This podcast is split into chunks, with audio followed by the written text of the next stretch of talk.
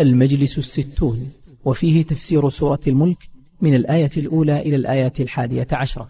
أعوذ بالله من الشيطان الرجيم. بسم الله الرحمن الرحيم. تبارك الذي بيده الملك وهو على كل شيء قدير. الذي خلق الموت والحياة ليبلوكم أيكم أحسن عملا وهو العزيز الغفور. الذي خلق سبع سماوات طباقا. ما ترى في خلق الرحمن من تفاوت. فارجع البصر هل ترى من فطور.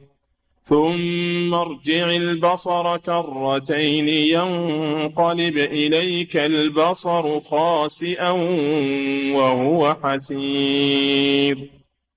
ولقد زينا السماء الدنيا بمصابيح وجعلناها رجوما للشياطين وأعتدنا لهم عذاب السعير. وللذين كفروا بربهم عذاب جهنم وبئس المصير. إذا ألقوا فيها سمعوا لها شهيقا وهي تفور. تكاد تميز من الغيظ.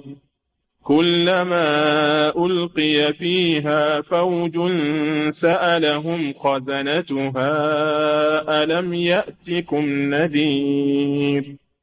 قالوا بلى قد جاءنا نذير فكذبنا فكذبنا وقلنا ما نزل الله من شيء. إن أنتم إلا في ضلال كبير وقالوا لو كنا نسمع أو نعقل ما كنا في أصحاب السعير فاعترفوا بذنبهم فسحقا لأصحاب السعير بسم الله الرحمن الرحيم الحمد لله رب العالمين. الصلاة والسلام على نبينا محمد وعلى آله وأصحابه أجمعين. افتتح الله هذه السورة العظيمة بالثناء عليه وتمجيده وهو أحق بذلك سبحانه وتعالى. فقال سبحانه تبارك الذي بيده الملك ومعنى تبارك تعاظم سبحانه وتعالى وتنال البركة بذكره وهو الذي ينزل البركة ويمنحها لمن يشاء. وهذه الكلمة تبارك لا تطلق إلا على الله. فلا يجوز أن يقال يا فلان تبارك علينا كما يقوله الجهال. هذا لا يجوز إلا في حق الله. أما أن تقول أنت مبارك فهذا لا بأس. مبارك يعني أن الله جعل فيك بركة وجعلني مباركا أينما كنت. كتاب أنزلناه إليك مبارك هو الذي يمنح البركة سبحانه وتعالى. أما الإنسان فهو لا يتبارك في نفسه وإنما الله هو الذي يعطيه البركة. وهذه اللفظة تكررت في القرآن مثل قوله تعالى تبارك الذي نزل الفرقان على عبده تبارك الذي إن شاء جعل لك خيرا من ذلك. تبارك الذي جعل في السماء بروجا وجعل فيها سراجا وقمرا وقمرا منيرا. وكما في قوله تعالى فتبارك الله أحسن الخالقين. فتبارك الله رب العالمين. تكررت في القرآن وهي تمجيد لله سبحانه. وصف له بالبركة. تبارك الذي بيده الملك وهو على كل شيء قدير. أثنى على نفسه سبحانه وتعالى بصفتين عظيمتين. الصفة الأولى الذي بيده الملك أي في تدبيره وقبضته وتصريفه الملك كله فهو مالك الملك كله ولا أحد يشاركه في ذلك. ولكن الله جل وعلا يملك من شاء من عباده تمليكا مؤقتا تمليكا مؤقتا. وأما الملك المطلق هو الملك الباقي فهو لله جل وعلا. ومالك الملك هذه صفة بيده الملك. فلا أحد يشاركه في ملكه سبحانه وتعالى؟ الصفه الثانية وهو على كل شيء قدير. على كل شيء إذا أراده سبحانه فهو قدير عليه لا يستعصي عليه شيء. هذا وصف له بعظمة القدرة وشمولها وأنه لا يعجزه شيء سبحانه وتعالى. وهذه متكررة في القرآن وهو على كل شيء قدير. كان الله على كل شيء مقتدرا. وأما قوله تعالى وهو على جمعهم إذا يشاء قدير قيد قيد القدرة بالمشيئة فهذا في جمع الناس يوم القيامة جمع أهل السماوات والأرض. هو قادر إذا شاءه سبحانه وتعالى. وأما أن يقال الله على ما يشاء قدير فهذا لا يجوز لأنه تقييد لما أطلقه الله فقال وهو على كل شيء قدير. فنقول ما قاله الله سبحانه وتعالى. ثم وصف نفسه أيضا بصفة ثالثة فقال جل وعلا الذي خلق الموت والحياة خلق الموت والحياة. الموت والحياة. قدم الموت على الحياة وهو العدم لأن الإنسان معدوم.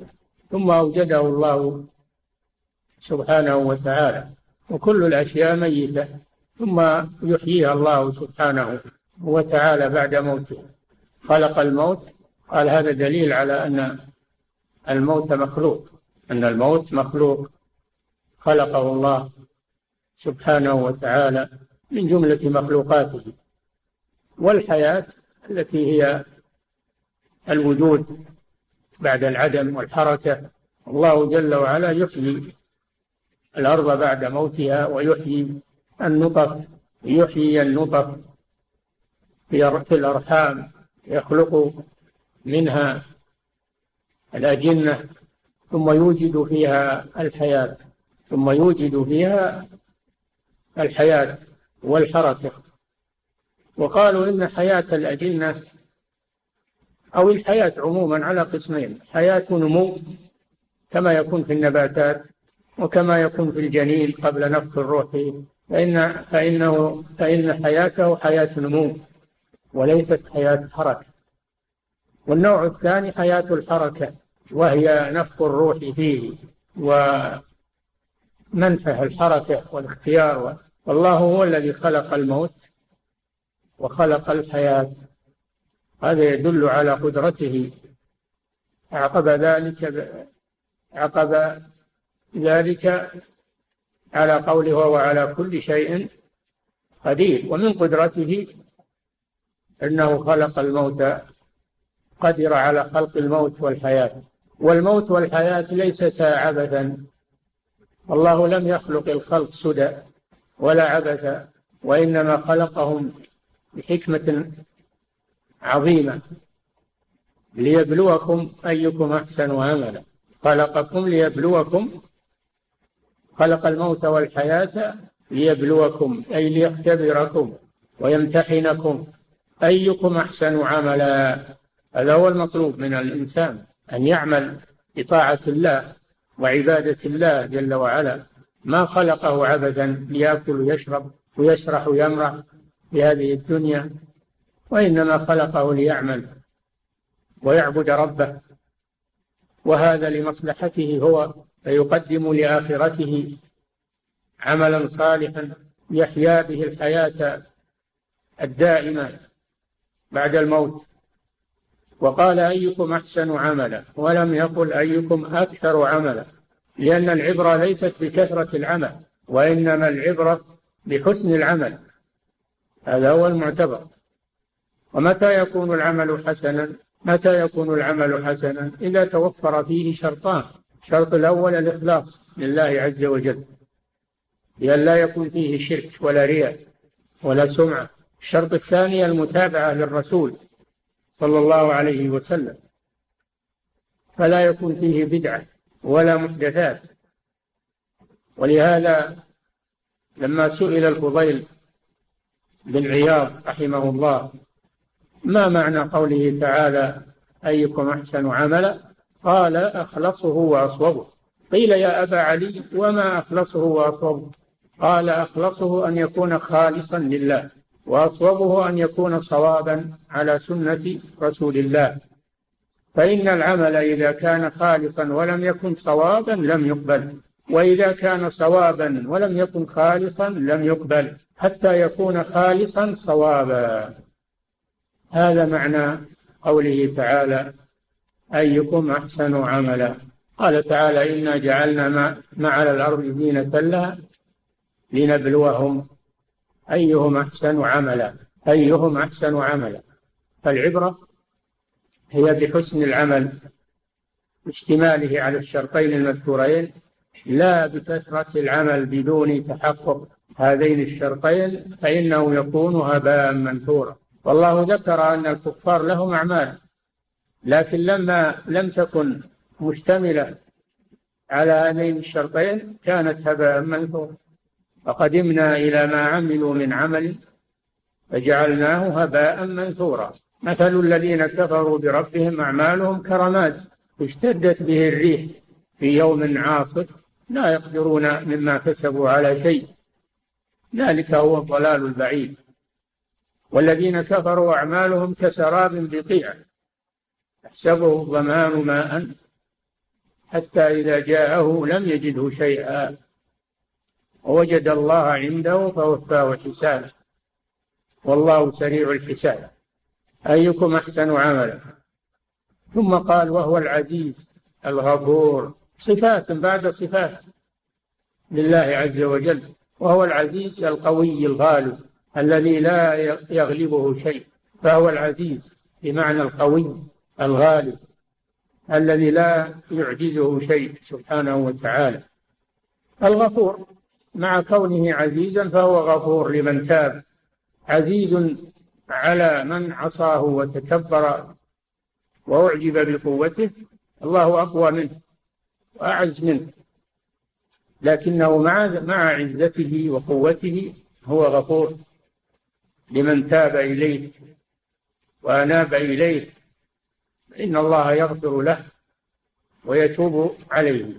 ثم وصف نفسه بصفة أخرى. فقال الذي خلق الذي خلق سبع سماوات. الذي خلق سبع سماوات. أي أوجدها من العدم. سبع سماوات. طباق. طباق. بعضها فوق بعض. وبينها مسافات عظيمة. بينها مسافات عظيمة. كما جاء في الحديث بين السماء والأرض خمسمائة عام مسيرة خمسمائة عام وبين كل سماء وسماء مسيرة خمسمائة عام. وكيفه كل سماء خمسمائة عام. مخلوقات عظيمة قوية. سبع سماوات طباق بعضها فوق بعض. أعلاها السماء السابعة وفوق السماء السابعة بحر وفوق البحر الكرسي. وسع السماوات والأرض وفوق الكرسي عرش الرحمن فهو أعلى المخلوقات وأعظمها. والله مستو على عرشه فوق مخلوقاته سبحانه وتعالى الذي خلق سبع سماوات طباقا. ما ترى في خلق الرحمن من تفاوت؟ لا يكون فيها خلل لا يكون فيها خلل ولا نقص بل هي متكاملة. قوية. ما ترى في خلق الرحمن من تفاوت أي اختلاف ونقص ولا يحدث لها تغير. تحتاج إلى إصلاح مثل المباني المخلوقة. بل مباني المخلوقين؟ مباني المخلوقين مهما قويت وعظمت تتهدم وتتصدع. تحتاج إلى ترميم إلى وأما هذه السماوات التي بناها الرب سبحانه وتعالى فإنها محكمة. فإنها محكمة قوية. لا تتغير حتى يشاء الله سبحانه وتعالى تشققها عند قيام الساعة. ما ترى في خلق الرحمن من تفاوت؟ فارجع البصر. هل ترى من فطور؟ انظر إليها تأمل فيها. في أمامك انظر إليها تأمل فيها. هل ترى فيها من شقوق؟ هل ترى فيها من تصدع؟ هل ترى فيها من خلل؟ انظر إليها. تأمل فيها طالعها. ثم هي أمامك وفوقك في أي مكان. مهما ذهبت فهي فوقك. في كل مكان. لن تخرج عنها. هل ترى من فطور؟ أي من شقوق وتصدعات وخلل؟ أبدا. هذا تحدي من الله سبحانه وتعالى. ما أحد قال نعم فيها كذا وفيها كذا وفيها ملاحظات وكذا وكذا. ما أحد قال هذا. يدل على عظمة الله سبحانه وتعالى الذي أحسن كل شيء خلقه. صنع الله الذي أتقن كل شيء. ثم ارجع البصر كرر البصر مرة ثانية. كرر البصر. يمكن إنك في المرة الأولى إنك ما ما أجهدت نفسك ولا ولا استكملت النظر. كرر. كرر وكرر. وكرر عدد مرات. وتأكد. هو بس أول مرة يمكن تقول ما ما مدان ولا. لا كرر. هي أمامك. معروضة أمامك. كرر. ثم ارجع البصر كرتين. أي مرتين. وليس المراد الحصر في مرتين بل كرر ما شئت. كرر ما شئت. لن تجد فيها من خلل مما يدل على حكمة خالقها ومكونها وعلمه وقدرته سبحانه وتعالى. فإذا تأملت هذا فإنك تخشى الله وتعبده تعظمه حق تعظيمه سبحانه وتعالى. مرجع البصر كرتين. ينقلب إليك البصر. يرجع. يرجع إليك البصر خاسئا يعني عاجزا. عاجزا عن إدراك خلل. مهما لو تجيب المكبرات البصرية تجيب كل ما في الدنيا من مراصد ومن مكبرات للنظر ومن مجاهد جيب كل ما في الدنيا. أدرك في السماء خللا أو تصدع ينقلب إليك البصر خاسئا أي ضعيفا عاجزا وهو حسير ضعيف كليل لم يقدر على إدراك خلل في هذه السماوات. فإذا كان كذلك وجب عليك أن تعظم الله حق تعظيمه وأن تعبده حق عبادته. سبحانه وتعالى. ثم عاد إلى السماوات. فقال ولقد زينا السماء الدنيا. ذكر سبع سماوات طباقا. السماء الدنيا الطبقة الموالية للأرض. الموالية للأرض. التي هي سقف الأرض. جعلنا السماء سقفا محفوظا. الذي جعل الأرض جعل لكم الأرض فراشا والسماء بناء يعني سقفا. من عادة الناس أنهم يزينون السقوف بالمصابيح وبالنقوش وب الله زين السماء بمصابيح. نجوم جعل في السماء بروجا وجعل فيها سراجا وقمرا منيرا. فقد زينا السماء الدنيا بمصابيح أي بنجوم مضيئة نيرة وفيها الشمس والقمر. القمر نور والشمس ضياء. سراج.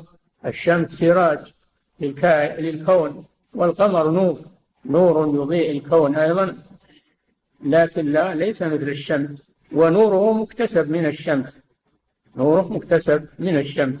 ولهذا إذا احتجبت عنه الشمس كسف إذا صارت الأرض بينه وبين الشمس في النصف من الشهر أحيانا ينكسف يخسف القمر لأن الأرض تظل عليه فلا ينفذ إليه نور الشمس بمصابيح مصابيح كم هي؟ تعدهن ما لها عدد ما لها عدد. ممتدة ممتدة بامتداد السماء. هذه المصابيح. أينما ذهبت؟ المصابيح فوق والشمس والقمر فوق. أينما ذهبت بمصابيح وجعلناها رجوما للشياطين فمن فوائدها أولا أنها زينة للسماء زينا السماء. زينة للسماء. أنت إذا نظرت في الليل المظلم إلى صفحة السماء وما فيها من النجوم تعجبت وابتهجت نفسك. أليس كذلك؟ ترى العجائب هذه المصابيح المتدلية النيرة المنتظمة وهي تسير في أفلاك بعضها ثوابت بعضها ثوابت وبعضها تسير في أفلاكها من الشرق إلى الغرب تطلع وتغرب. فذكر لهذه النجوم هذه المصابيح ثلاث فوائد. الفائدة الأولى أنها زينة. زينة للسماء زينا السماء الدنيا. الفائدة الثانية أنها رجوم للشياطين وذلك أن الشياطين يحاولون استراق السمع يحاولون استراق السمع من السماء يسمعون من الملائكة فيركب بعضهم بعضا حتى يصلوا عنان السماء ليسمعوا ويسرقوا السمع فيخبروا به الكهان من الإنس بما يسمعون من السماء. الله جل وعلا حفظ السماء بالشهب. حماها بالشهب التي تنطلق على هؤلاء الشياطين فتحرقهم. فهي زينة للسماء وهي رجوم للشياطين وأنا كنا نقعد منها. يقول الشياطين بعضهم لبعض. لما بعث محمد صلى الله عليه وسلم وأنا كنا نقعد منها مقاعد للسمع قبل بعثة الرسول صلى الله عليه وسلم. فمن يستمع الآن يجد له شهابا رصدا. وأنا لمسنا السماء فوجدناها ملئت عرسا شديدا وشهبا. وأنا كنا نقعد منها مقاعد للسمع. فمن يستمع الآن يجد له شهابا رصدا. فلم يستطيعوا استراق السمع؟ لأن الله حرس السماء بهذه الشهب. وهل هذه الشهب من من النجوم أو هي شيء غير النجوم؟ الله أعلم. قيل إنه شهاب ينطلق من النجم وقيل إنه شهاب يخلقه الله جل وعلا فيرمي به هذه الشياطين. هذه الفائدة الثانية للنجوم. الفائدة الثالثة أنها علامات للمسافرين يسيرون عليها وهو الذي جعل لكم النجوم لتهتدوا بها في ظلمات البر والبحر. فأنت إذا كنت تسير في الطريق فإنك تنظر في النجوم وتسير على النجم والاتجاه الذي تريده. يدلك على الشرق وعلى الغرب وعلى الشمال والجنوب. يدلك على هذا. يدلك على القبلة الكعبة تصلي إليها. هي علامات. وعلامات وبالنجم هم يهتدون.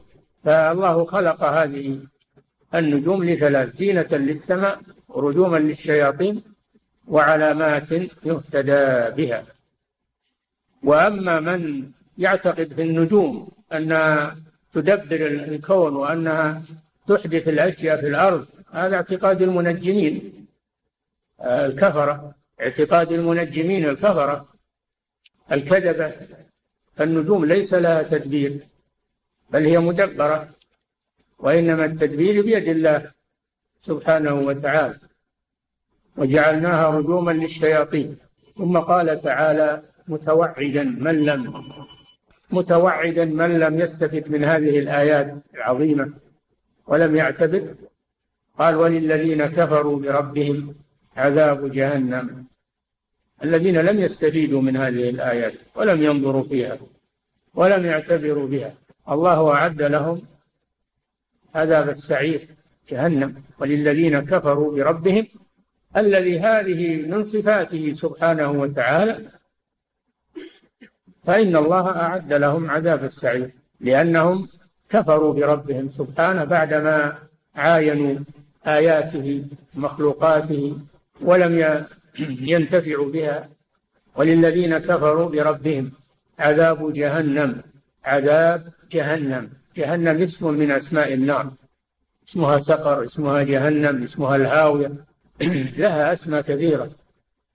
اسمها السعير مما يدل على مما يدل على عظمتها وخطرها. وللذين كفروا بربهم عذاب جهنم. وبئس المصير. بئس المرجع والمآب والمرد لأنهم لم يستفيدوا من هذه الدنيا عملا صالحا وفكرا. نيرا يهديهم ويدلهم على عظمة الله انتقلوا من هذه الدنيا ولم يستفيدوا شيئا. يكون مآلهم ومردهم إلى النار وبئس المصير. بخلاف من من الله عليه بالعمل الصالح واعتبر بهذه الآيات وهذه الكائنات واستدل بها على قدرة الله وعظمته فإنه يكون له الجنة يوم القيامة. تقره الجنة. فالقيامة دار جزاء وهذا الجزاء على قسمين إما النار وإما الجنة. ما في شيء ثالث إما الجنة وإما النار. وبئس المصير. إذا ألقوا فيها إذا ألقي الكفار الذين كفروا بربهم ألقوا في جهنم فرحوا فيها والعياذ بالله. سمعوا لها شهيقا أي صوتا مفزعا. سمعوا لها شهيقا أي صوتا مفزعا. إذا رأتهم من مكان بعيد سمعوا لها تغيظا وزفيرا والعياذ بالله. إذا ألقوا فيها سمعوا لها شهيقا من الغضب عليهم وهي تفور تغلي مثل ما يغلي القدر بالحب. تغلي بهم وتقلبهم مثل ما يغلي القدر بالحب. الموضوع به تعذيبا لهم. إذا ألقوا فيها سمعوا لها شهيقا وهي تفور. تكاد تميز من الغيظ. هذه أيضا صفة ثالثة. تكاد النار جهنم إذا ألقي فيها الكفار تميز تتقطع من الغيظ عليهم غضبا عليهم لأنها تغضب لغضب الله. سبحانه وتعالى. كلما ألقي فيها فوج جماعة لأنهم يلقون جماعات. وسيق الذين كفروا إلى جهنم زمرا. كلما ألقي فيها فوج سألهم خزنتها خزنة جهنم. يوبخونهم. ألم يأتكم نذير؟ إيش السبب الذي أوردتم النار؟ ما جاكم نذير ينذركم من النار؟ ما خوفتم منها؟ ما حذرتم منها؟ ألم يأتكم نذير؟ قالوا بلى اعترفوا. قد جاءنا نذير وهم الرسل عليهم الصلاة والسلام. قد جاءنا نذير فكذبنا كذبنا الرسل وخالفناهم وسفهناهم وقلنا ما نزل الله من شيء. ما نزل الله من شيء. أنتم تدعون إن معكم قرآن ومعكم توراة وإنجيل ووحي من الله؟ هذا ما هو صحيح. هذا ما هو صحيح. هذه أساطير الأولين. أساطير الأولين أنتم اختلقتموه. ما نزل الله من شيء وما أرسل من رسول. أنتم تكذبون على الله عز وجل. كذبنا قلنا ما نزل الله من شيء. إن أنتم إلا في ضلال يقولون للرسل. إن أنتم إلا في ضلال كبير. أنتم ضالون تضللون الرسل. نسأل الله العافية. هذا ما قابلوا به الرسل في الدنيا. كذبوهم. وقالوا ما نزل الله من شيء ما هنا وحي ولا كتب ولا أوامر ولا نواهي إن أنتم أيها الرسل إلا في ضلال في ضلال خطأ عن الصواب وضلال كبير ما هو يسير. إن أنتم إلا في ضلال كبير. هذا موقفهم من دعوة الرسل في الدنيا. اعترفوا بهذا اعترفوا بهذا. حين لا ينفعهم ذلك الاعتراف وإنما هو من باب إقامة الحجة عليهم وقطع معذرتهم وأن الله لم يظلمهم سبحانه وتعالى وإنما هي أعمالهم أوردتهم هذه النار. ثم عادوا إلى أنفسهم باللوم وقالوا لو كنا نسمع لو كنا في الدنيا يعني وإلا هم الآن يسمعون وعرفوا لكن ما ما يمكنهم الاستدراك. لو كنا يعني في الدنيا لو كنا نسمع نسمع للرسل سماع قبول ولا هم يسمعون ما بهم صمم لكن ما يسمعون سماع قبول. لو كنا نسمع أو نعقل حتى لو سمعنا أيضا لابد من العقل والتدبر. كم ممن يسمع القرآن ويسمع المواعظ لكنه لا يعقل. لا يعقلها ولا يفهمها ولا يتدبرها ولا يريد إنه يفهمها. ويقولون هذه مواعظ هذه مواعظ القصص. وأنتم ما عندكم إلا الجنة والنار ولا عندكم إلا الوعظ ولا عندكم إلا التضييق على الناس وما أشبه ذلك من مقالاتهم. كنا نسمع ونعقل. ما كنا بأصحاب السعير. اعترفوا أن الذي جعلهم من أصحاب السعير هو أنهم ما كانوا يسمعون للرسل والنذر ولا يعقلون ويتدبرون كلامهم والا هم يفهمون الخطاب. ما ليسوا مجانين يفهمون الخطاب والمراد به لكن لا لا يفهمونه فهما صحيحا. وإن فهموه فإنهم يعرضون عنه يتكبرون عنه. لو كنا نسمع سماع قبول. أو نعقل عقل تفهم وإدراك. ما كنا في أصحاب السعير اعترفوا على أنفسهم أنهم استحقوا السعير ولا يدخل النار أحد إلا وقد اعترف على نفسه أنه يستحقها والعياذ بالله. قال تعالى فاعترفوا بذنبهم. اعترفوا بذنبهم. في حين في وقت لا ينفعهم الاعتراف. أن يصبروا فالنار مثوى لهم وإن يستعتبوا فما هم من المعتبين فات الأوان. لو كنا نسمع ونعقل ما كنا في أصحاب السعير فاعترفوا بذنبهم فسحقا لأصحاب السعير. بعدا بعدا لأصحاب السعير والعياذ بالله. نسأل الله العافية. فهذه السورة سورة عظيمة. والقرآن كله عظيم كله كلام رب العالمين. يطلب منا التدبر والتفهم والعمل والعمل به نسأل الله أن يرزقنا وإياكم العلم النافع والعمل الصالح. صلى الله وسلم على نبينا محمد وعلى آله وأصحابه أجمعين. نعم. يقول فضيلة الشيخ وفقكم الله. هل يصح قول لما جئتنا نزلت البركة علينا؟ هل يصح هذا القول؟ ما في بأس. هذا من باب من باب يعني حسن الظن والتفاؤل. التفاؤل مطلوب وهو تأميل الخير. هذا لا بأس به. نعم. وكذلك عبارة زارتنا البركة. أيضا هذا من باب التفاؤل. أجل تبيه يقول زارنا الشر. زارنا البركة والخير. هذا من باب التفاؤل وتطيب خاطر الزايد نعم. يقول فضيلة الشيخ وفقكم الله هل يجوز تسمية الولد بتبارك؟ وهل إذا كان لا ما يجوز. ما يجوز. لكن مبارك لا بأس. سميه مبارك ما في بأس. نعم. وهل يغير هذا الاسم إذا كان موجودا؟ لا بد من تغييره. لا بد من تغييره. نعم. يقول فضيلة الشيخ وفقكم الله ذكرتم حفظكم الله أن قول الله على ما يشاء قدير أنه لا يجوز. على إطلاق. لا يجوز على إطلاق. لكن إذا جئت بالآية وهو على جمعهم إذا يشاء قدير فلا بأس. أما أنك على إطلاق تقول على ما يشاء قدير لا. الله على كل شيء قدير. وإنما هذا قول المعتزلة. هذا قول المعتزلة الذين لا يرون عموم القدرة. نعم. يقول فضيلة الشيخ وفقكم الله في قوله سبحانه وتعالى وهو العزيز الغفور. الاسمان الكريمان.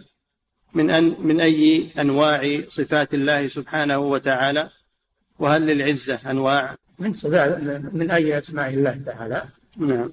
اسمان مستقلان هما اسمان مستقلان والله له أسماء لا يعلمها إلا هو. سبحانه وتعالى وكلها حسنى له الأسماء الحسنى. والعزة يراد بها الغلبة ويراد بها القوة والصلابة. يقال مكان عزاز يعني قوي صلب. نعم. يقول فضيلة الشيخ وفقكم الله ما يتردد أن الإنسان قد وصل إلى كوكب القمر أو غيره من الكواكب. هل يصدق هذا؟ وما موقف المسلم من هذا الكلام؟ هذه دعايات هذه دعايات الكفار لهم أقوال ولهم نصدقهم كل شيء. أبدا نتركهم ما علينا منه. خلهم يخسرون ويحاولون ويتعبون أنفسهم. هم كيفهم؟ ما علينا منه. نعم. يقول فضيلة الشيخ وفقكم الله هل الشهب لها جرم؟ أم أنها نور حارق ينتهي بحرق الشياطين؟ ينتهي شهاب. شهاب يطفى وينتهي. نعم. إذا حصلت به المهمة انطفأ. نعم. يقول فضيلة الشيخ وفقكم الله وهل يقال أما النجوم فإنها لا تنطفئ ما دامت ما دام الله سبحانه وتعالى يريد بقاءها واستمرارها تبقى ولا تنطفئ ما عمرك شيخ نجم طافي النور. أبدا. نعم. يقول وهل يقال بأن الشياطين الذين يرجمون بالشهب أنهم يموتون؟ نعم. يموتون مثل ما يموت بنو آدم. نعم. الشياطين من الجن. الشياطين مردة الجن والجن يموتون.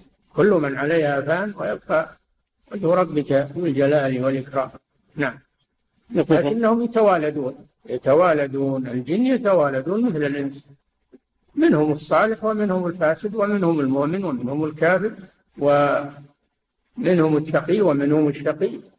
كنا طرائق قددا أن منا المسلمون ومنا القاسطون. منا الصالحون ومنا دون ذلك. نعم. يقول فضيلة الشيخ وفقكم الله ذكر بعض المفسرين عند قوله تعالى وجعلناها رجوما للشياطين. أن الملائكة تأخذ من النجوم الشهب وترمي بها الشياطين. هل هذا المعنى من معاني هذه الآية؟ يحتاج إلى دليل. هذا يحتاج إلى دليل. الله أعلم. نعم. يقول فضيلة الشيخ وفقكم الله التسمي باسم بركة أو باسم مبروك. مبروك ما يخالف. وبركة ما يخالف. نعم. يقول فضيلة الشيخ وفقكم الله هل ثبت أن هذه السورة العظيمة أن قراءتها تنجي من عذاب القبر؟ نعم. ورد هذا في حديث جيد ذكره ابن كثير وغيره في أول السورة سمى المنجية أي أنها تشفع لصاحبها من عذاب القبر. نعم. يقول فضيلة الشيخ وفقكم الله وما حكم المداومة على قراءة هذه السورة كل ليلة؟ لا لا شيء طيب. نعم. يقول فضيلة الشيخ وفقكم الله ذكرتم حفظكم الله أن المصابيح ليس لها عدد. هل معنى أنها ليس لها عدد مطلقة. عدها يا أخي عدها. إن أحصيتها هي لا عدد. نعم. يقول فضيلة الشيخ وفقكم الله ذكر الشيخ السعدي رحمة الله عليه في تفسيره نعم. أن إخبار الله أن النجوم زين بها السماء زينت بها السماء الدنيا بمصابيح أن هذا لا ينافي أن يكون كثير من النجوم فوق السماوات السبع فإن السماوات شفافة. فهل هذا؟ أعلم هذا الكلام الفلكيين لكن ما عليه دليل. الظاهر من الظاهر من القرآن أن أن النجوم كلها والشمس والقمر كلها في السماء الدنيا. هذا هو الظاهر من ادعى أنها متفرقة في السماوات وأن السماوات شفافة وأن الشمس في السماء الرابعة وزحل والمريخ وإلى آخره. فهذا يحتاج إلى دليل إنما هو أقوال فلكية. نعم. يقول فضيلة الشيخ وفقكم الله نقول أحيانا إنه إذا خرج النجم الفلاني فإنه سوف يكون كذا وكذا. وإذا خرج النجم الفلاني هذا لا يجوز. هذا من ادعاء علم الغيب ومن التأثير. يزعم أن النجوم تؤثر الحوادث في الأرض. هذا اعتقاد الجاهلية. لا يجوز. نعم. وكذلك إذا إذا قيل بأنه إذا خرج النجم الفلاني فإن الوقت يكون وقت الصيف أو وقت الشتاء. فهل هذا صحيح؟ أو إن توقيت. لا بأس. توقيت. إن الحر له وقت. وأن البرد له وقت. ونزول الأمطار لها وقت يمكن ويمكن ما تنزل. هذا راجع إلى مشيئة الله. لا بأس في ذلك. كل شيء له ميقات وقد يحصل في وقته وقد لا يحصل. هذا بيد الله سبحانه وتعالى. نعم. يقول فضيلة الشيخ وفقكم الله بعض من ينسب إلى طلب العلم يقول إن معنى قوله سبحانه وتعالى وهو على جمعهم إذا يشاء قدير يقول إن هناك كائنات فضائية يقول في قوله تعالى وهو على جمعهم إذا يشاء قدير. يقول إن هناك كائنات فضائية أو نحو ذلك وأن الله سبحانه إما أن يجعلنا نصعد إليهم أو أن ينزلوا إلينا أو أن نلتقي في النصف فهل هذا الكلام صحيح وهل عليه دليل؟ يقول ما يشاء لكن نطالبه بالدليل. يقول ما يشاء لكن نطالبه بالدليل. فإن جاء بدليل وإلا فهو كذاب. ما يقال في هذه الأمور إلا بدليل. من كتاب الله ومن سنة رسوله صلى الله عليه وسلم. منين جاب الكلام هذا؟ عنده دليل عليه؟ نعم. يقول فضيلة الشيخ وفقكم الله في قوله سبحانه وتعالى تبارك الذي بيده الملك. هل فيها إثبات اليد لله سبحانه وتعالى؟ اليد ثابتة لله في أدلة كثيرة. ولكن هذه الآية معنى بيده الملك أي تدبير الكائنات والمخلوقات. نعم. وهل يثبت لله سبحانه وتعالى الشمال؟ وهل يثبت له الأصابع؟ هذا ورد في الأحاديث الصحيحة. إثبات الشمال وهي يمين. كلتا يديه يمين. فهي شمال ولكنها يمين في حقه. سبحانه وتعالى وله الأصابع أيضا السماوات الأرض على أصبع والشجر على أصبع والجبال على أصبع والثرى على أصبع. هذا ورد في الحديث. نعم.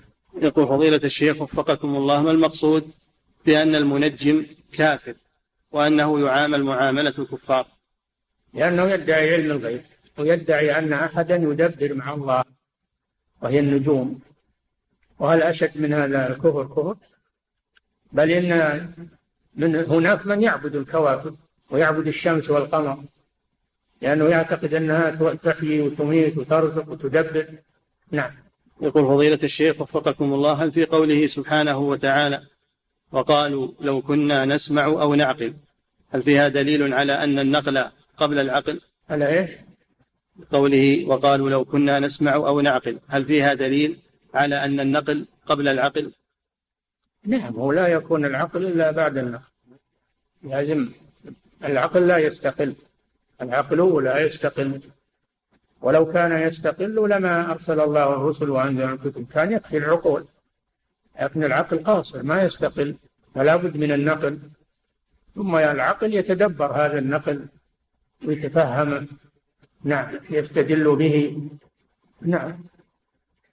يقول فضيلة الشيخ وفقكم الله كيف يستدل على القبلة بالنجوم؟ نعم استدل بها على القبلة لأنها تسير من الشرق إلى الغرب. النجوم تسير من الشرق إلى الغرب. يستدل بها الإنسان. إذا كانت في المشرق عرف جهة الشرق إذا كانت في المغرب عرف جهة الغرب. نعم. يقول فضيلة الشيخ وفقكم الله ما هو تعريف الموت؟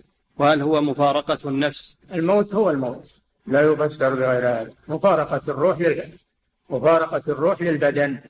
مفارقة الروح للبدن على وجه كامل هذا الموت. أما مفارقتها له في حالة الإغماء وفي حالة النوم هذا ليس فراقا كاملا بل لها ارتباط به. نعم. أحسن الله إليكم سماحة الوالد. يقول السائل يذكر الشيخ السعدي رحمه الله في تفسيره أن الحكم ثلاثة أنواع حكم كوني قدري وحكم ديني شرعي وحكم جزائي. فما المراد بالحكم الجزائي؟ يا أخي قل الشيخ عبد الرحمن السعدي لا تقول الشيخ السعدي. ما هو باسمه السعدي؟ هو اسمه الشيخ عبد الرحمن بن ناصر السعدي. وأما قوله إن الحكم ثلاثة أقسام صحيح حكم قدري وحكم شرعي حكم شرعي وذلك في الخصومات والقضاء هذا حكم شرعي يحكم بين الناس فيما اختلفوا فيه. وحكم جزائي هذا في الآخرة يحكم بينهم ويجازيهم سبحانه وتعالى. نعم. أحسن الله إليكم سماحة الوالد. يقول السائل في نهي النبي صلى الله عليه وسلم الرجل عن أن يؤم قوما وهم له كارهون. يقول هل يدخل في ذلك الإمام الصالح ولكن القوم يكرهونه لرداءة صوته. إذا كانت كراهيتهم عن هوى هذا لا يؤثر. أو لأمور دنيوية أو تغرب هذا لا يؤثر. وصلاته وإمامته صحيحة. وأما إذا كانوا يكرهونه لأمر ديني يعني في دينه مطعن أو في دينه نقص فهذه كراهية بحق وهي التي ورد فيها الوعيد. لا تجاوز صلاته من الثلاثة الذين لا تجاوز صلاتهم رؤوسهم. إذا كانوا يكرهونه بحق. نعم. صلى الله إليكم سماحة الوالد. يقول السائل هل يشترط عقد النية لكل صلاة بعينها؟ نعم لا بد من النية. إنما الأعمال بالنيات وإنما لكل امرئ ما نوى. فلا بد من أن ينوي عند بداية الصلاة أن ينوي الفريضة أنها العصر أنها الظهر أنها الفجر أنها إنما الأعمال بالنيات وإنما لكل امرئ ما نوى. نعم. لكن لا يتلفظ بهذا هذا بدعة. ما يقول نويت أن أصلي المغرب أصلي العشاء أصلي كذا هذا بدعة. أما أنه ينوي بقلبه فلا بد من هذا. نعم. صلى الله إليكم سماحة الوالد. يقول السائل ما حكم من يصوم صوم الفرض أو التطوع؟ وتكون نيته إضافة إلى التقرب إلى الله عز وجل تخفيف وزنه. هذا مدخول هذه نية مدخولة مخلوطة. فينوي بالصلاة التقرب إلى الله والعبادة. وكونه يخف وزنه ويصح جسمه هذه أمور تابعة ما هي مقصودة. هذه أمور تابعة. نعم. أحسن الله إليكم سماحة الوالد. يقول السائل من كان يصلي نافلة وذكر عنده النبي صلى الله عليه وسلم فهل يصلي عليه؟ إذا مر ذكر النبي صلى الله عليه وسلم في صلاته في قراءته صلي عليه سرا. وأما أنه يسمع واحد خارج يذكر الرسول صلى الله عليه وسلم فلا يصلي عليه الصلاة. نعم. صلى الله إليكم سماحة الوالد. يقول السائل هل يجوز للراقي أن يمس بدن المرأة التي يقرأ عليها؟ حرام هذا ما يجوز له يمس المرأة. يرقي عليها ولا يمسها وتكون محجبة. وبحضرة وليها. نعم. صلى الله إليكم سماحة الوالد. يقول السائل هل أنا محرم لجدة زوجتي من الأب أو الأم؟ نعم. الجدة أم من قبل الآب أو من قبل الأم فهي أم للزوجة وأمهات نسائكم.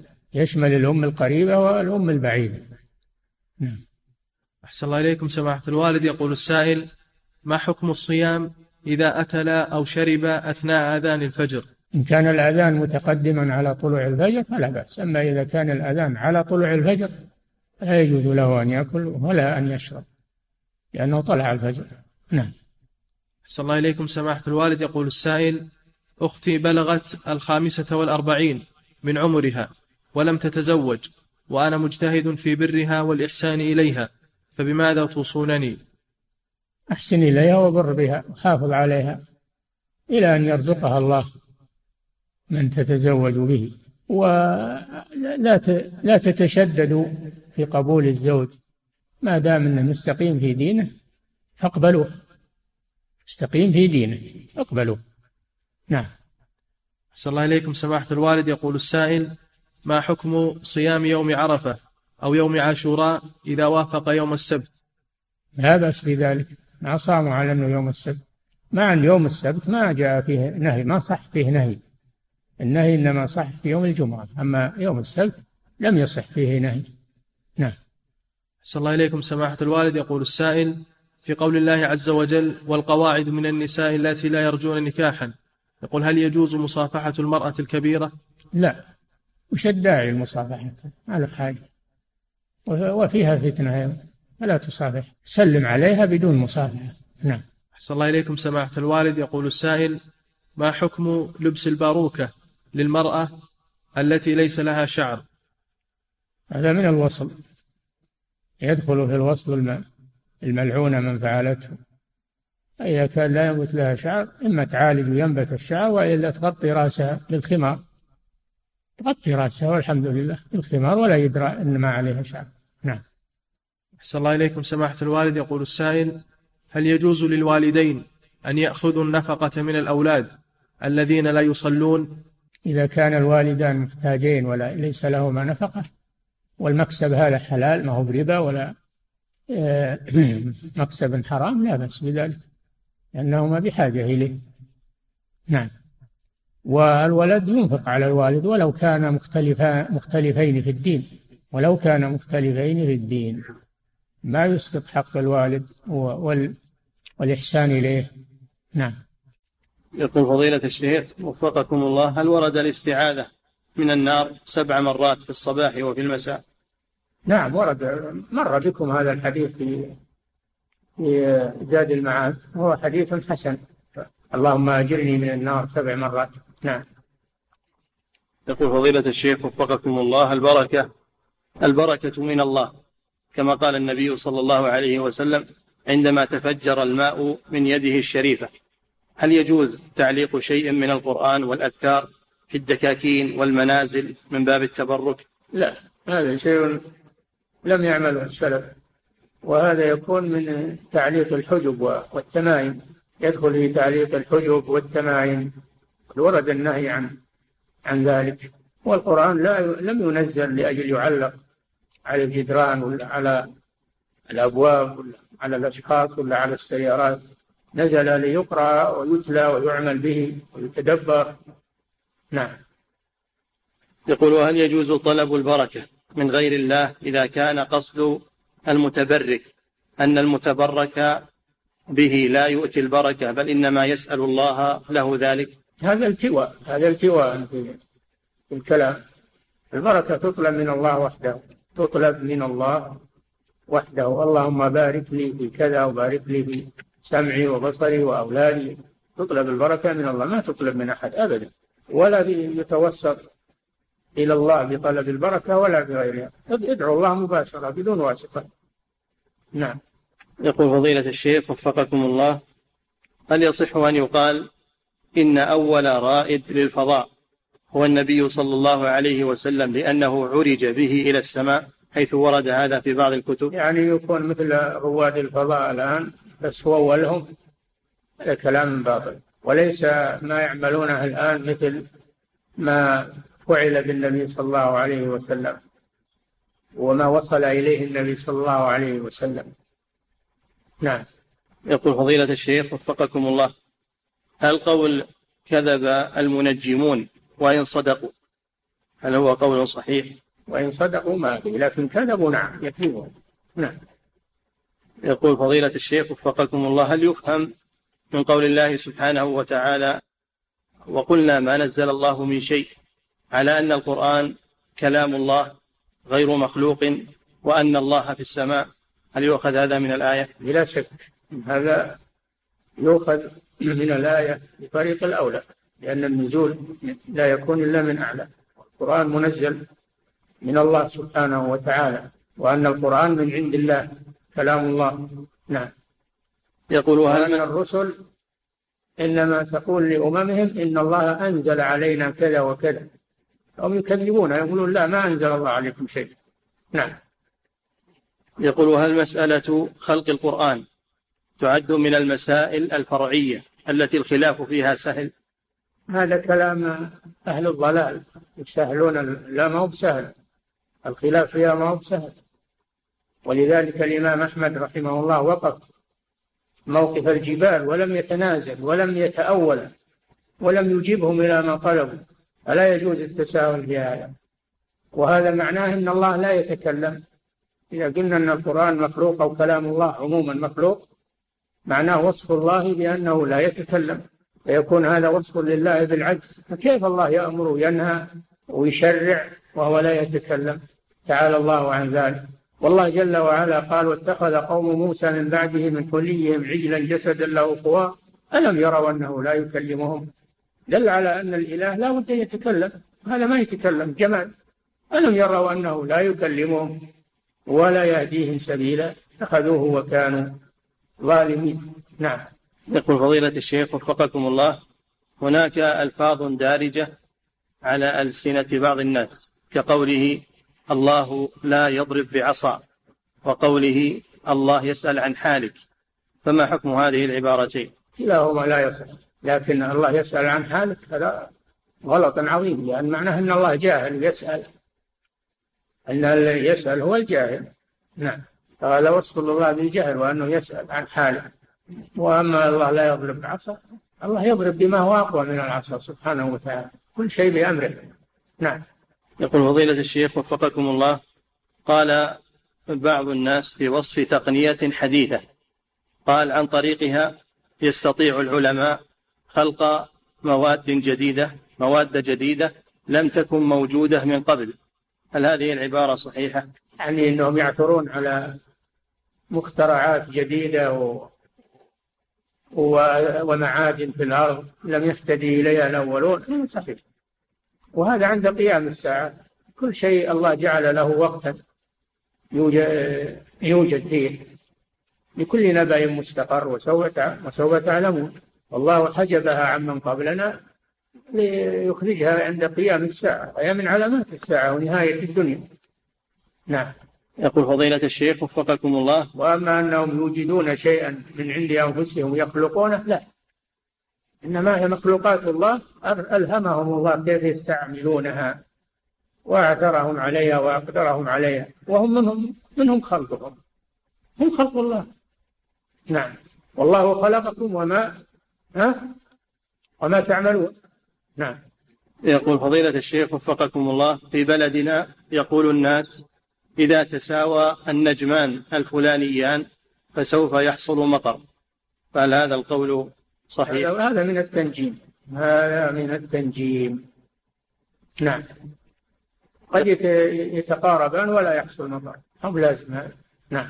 يقول فضيلة الشيخ وفقكم الله عملت حادثا مروريا ثم إن الخطأ كان على الطرف الآخر وقدر بألف ريال ثم إني أصلحت السيارة بسبعمائة وخمسين فهل يجوز لي أن آخذ المبلغ المتبقي؟ خذ قدر ما أنفقت على خراب السيارة والباقي لا تأخذه منه لأنك لا تستحقه. نعم. يقول فضيلة الشيخ وفقكم الله هل أغنياء الصحابة رضوان الله عليهم يدخلون في الذين يتأخرون عن دخول الجنة من أغنياء أمة محمد صلى الله عليه وسلم؟ نعم. أصحاب الجد محبوسون وهم الغنى يحاسبون على أموالهم. يتأخر دخوله نعم. يقول فضيلة الشيخ وفقكم الله هل هناك كتاب يعنى بما تتفق فيه الشرائع السماوية؟ نعم. يقول هل هناك كتاب يعنى بما تتفق فيه الشرائع السماوية؟ يكفينا كتاب الله وسور ندور كتابا تتفق عليه الشرائع. يكفينا كتاب الله فيه كل شيء ولا ولله الحمد. ولا نبحث عن كتاب غيره. نعم. يقول فضيلة الشيخ وفقكم الله ما المراد بالمكاشفات؟ وهل العالم الذي برز في العلم هل يقال إن هذا كرامة له؟ هذا من كلام الصوفية المكاشفات من كلام الصوفية. نعم. يقول فضيلة الشيخ وفقكم الله الأحوال الجوية التي تأتي في الرسائل وكذلك في التلفاز يقولون نتوقع بمشيئة الله نزول نزول أمطار. نتوقع نزول أمطار على مدينة كذا أو عواصف. هل يدخل هذا في علم الغيب؟ لا هذا توقع. قد يصيب وقد لا يصيب. وهم يستدلون بأمارات في الجو. يستدلون بأمارات وأجهزة في الجو قد تصيب وقد لا تصيب. عمل بشري. لكن لا يجوز الجزم بأنه سيحصل كذا. الجزم لا يجوز.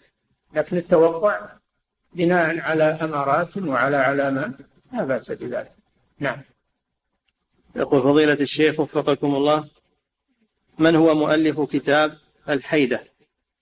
وهل تنصحون بقراءته للطالب الحيدة مناظرة مناظرة عبد العزيز الكناني مع بشر المريسي بحضرة المأمون العباس. هذا هو كتاب الحيلة مناظرة بين عبد العزيز الكناني المكي وبشر المريسي العنيد خبير حضرة المأمون وقد نصره الله عليه ودحره على يد الإمام عبد العزيز الكناني نعم. وهو كتاب جيد مفيد. نعم. يقول وهل تنصحون بقراءته للطالب المبتدئ؟ نعم ننصح بقراءته لأنه مفيد جدا. نعم. يقول فضيلة الشيخ وفقكم الله من أشكل عليه كلام في العقيدة فهل له أن يسأل عن ذلك علنا؟ أم يذهب إلى العالم سرا ويقول قد أشكل علي كلام لبعض العلماء السابقين في العقيدة. يسأل بالطريقة التي يتوصل فيها إلى العلم الطريقة التي يتمكن فيها من زوال الإشكال يعملها. ولا داعي إلى إعلان ذلك إنما يكون بينه وبين العالم الذي يسأله ولا داعي إلى إعلان ذلك على الناس. نعم. يقول فضيلة الشيخ وفقكم الله من هو الشاهد في قوله سبحانه وتعالى وشهد شاهد من أهلها في سورة يوسف؟ كما قال الله شاهد من أهلها من أهل المرأة. نعم. يقول فضيلة ما اسمه ما أدري عنه ما أعرفه ما حضرت نعم. يقول فضيلة الشيخ وفقكم الله قضى رسول الله صلى الله عليه وسلم في جنين امرأة سقط بغرة عبد أو أمة. ها؟ يقول قضى رسول الله صلى الله عليه وسلم في جنين امرأة سقط أو سقط. إي نعم سقط. سقط بغرة عبد أو أمة. ما. المراد بالغرة؟ العبد. المراد به العبد المملوك. إما ذكر وإما أنثى. نعم. يقول فضيلة الشيخ وفقكم الله هل الشياطين كلهم منظرون إلى الوقت المعلوم أم أن الإنظار خاص بإبليس؟ هذا ورد في حق إبليس. ورد في حق إبليس بحكمة من الله سبحانه وتعالى وله دائم إلى يوم الوقت المعلوم.